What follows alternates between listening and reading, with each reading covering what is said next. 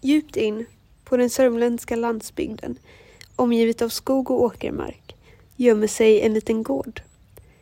Den till synes klassiska svenska gården med traktorer, hönshus och långa laggårdar, allt falurött med vita knutar, är inte som alla andra. Bakom bostadshuset, i en sluttning ner mot en liten sjö, står vinplantor i långa rader.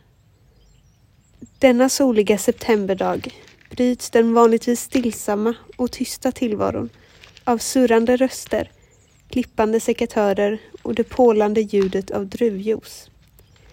Idag är det skördedag och det är mycket som ska göras.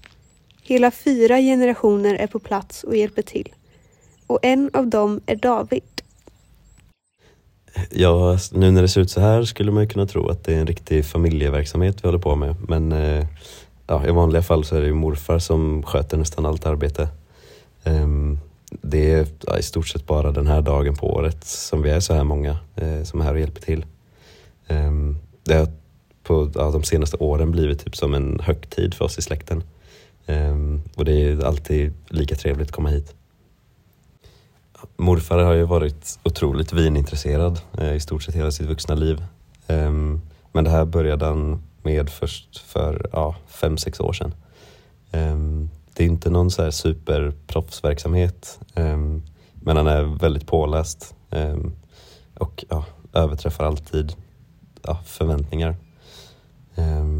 Det är väldigt mycket arbete med det här eh, i stort sett hela året som ja, han gör helt själv.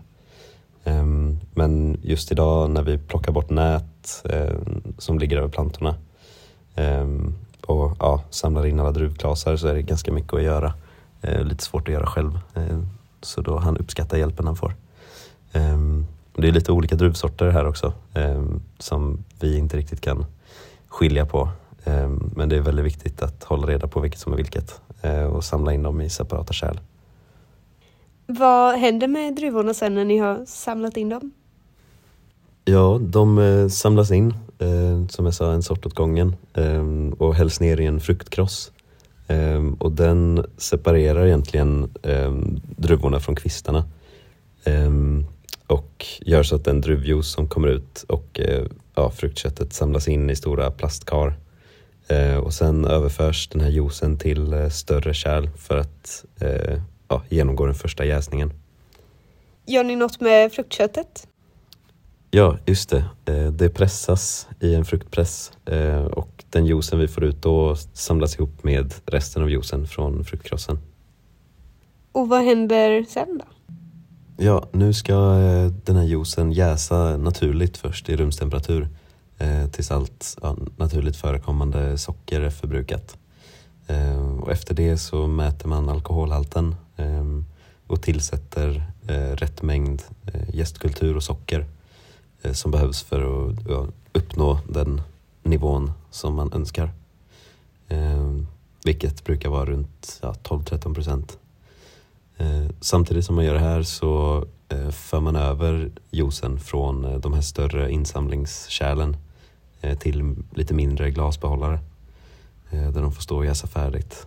Ehm, det här tar väldigt olika lång tid. Ehm, det beror väldigt mycket på ja, typ hur stabilt man kan hålla rumstemperaturen eh, omkring eh, och hur mycket socker som fanns i druvorna eh, till att börja med.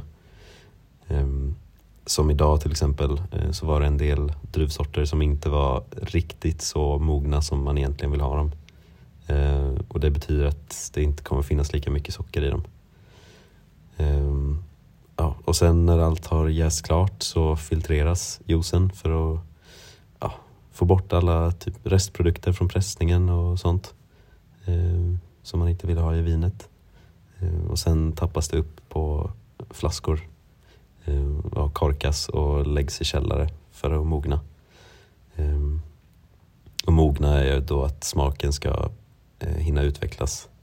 Eh, det är ju så i ja, med de flesta vinerna att eh, ju längre de får ligga desto mer komplex blir smaken, mer nyanserad. Ehm, det kan bli väldigt, väldigt enformig smak ehm, om man bara väntar tills ja, typ första jäsningen är avklarad. Hur mycket vin blir det? Alltså hur många flaskor?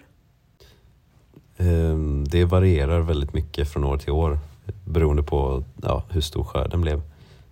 Men i år uppskattar vi att det blir runt 180 flaskor.